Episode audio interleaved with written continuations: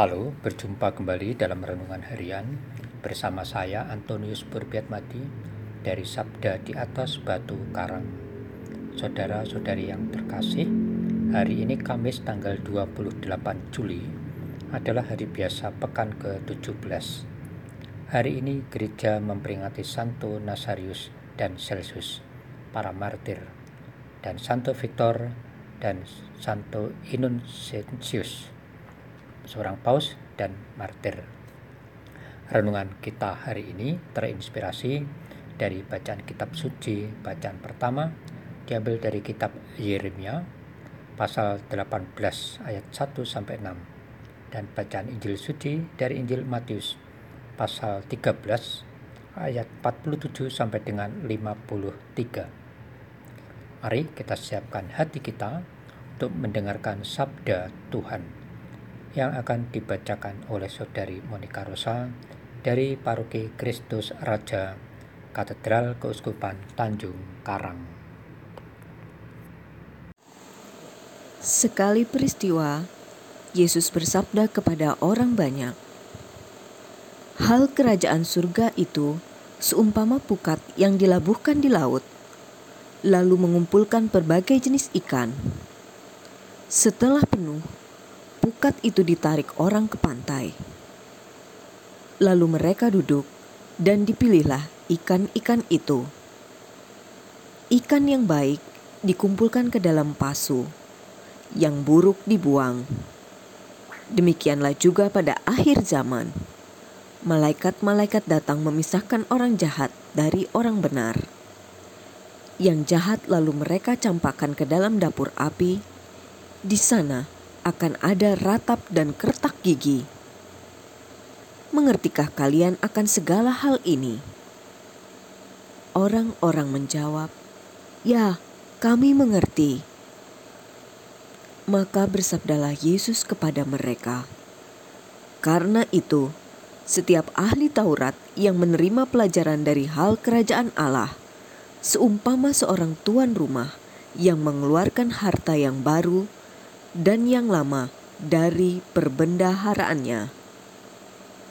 Setelah selesai menyampaikan perumpamaan itu, Yesus pergi dari sana. Demikianlah sabda Tuhan. Terpujilah Kristus. Saudara-saudari yang terkasih, jika kita memilih dari sekian banyak pilihan yang ada, tentu saja yang kita pilih adalah yang baik, berguna, atau pokoknya yang sesuai dengan kriteria atau kehendak kita. Yang tidak sesuai, ya kita buang atau dimusnahkan. Saudara-saudari yang terkasih, dalam bacaan Injil pada hari ini, Yesus mengajar dengan perumpamaan tentang pukat atau jaring ikan. Melalui perumpamaan itu, Yesus hendak menunjukkan kepada para pengikutnya bahwa ia adalah yang memberitakan kerajaan Allah. Seperti orang yang menebarkan pukat ke laut untuk menangkap apa pun yang ada. Ikan-ikan yang tertangkap itu adalah mereka yang mendengarkan pewartaan Yesus. Itulah gambarannya. Namun, mereka ada yang menerima dan mengimani Yesus, tetapi ada juga yang menolaknya. Mereka yang menerima dan percaya kepada Yesus dikumpulkan untuk memperoleh kebahagiaan kekal bersama Allah. Sedangkan yang tidak percaya atau yang mengkhianatinya juga dikumpulkan namun kemudian dibuang ke dalam penderitaan abadi. Nah, kira-kira Anda termasuk jenis tangkapan yang seperti apa? Anda akan menjadi ikan yang baik atau ikan yang jelek? Saudara-saudari yang terkasih, semoga dengan pengajaran Yesus hari ini, kita mampu memahami bahwa kita semua hendaknya menjadi ikan yang baik, yang akan menjadi tangkapannya dan yang akan dimasukkan ke dalam pasunya, yakni keselamatan dan kebahagiaan abadi bersamanya.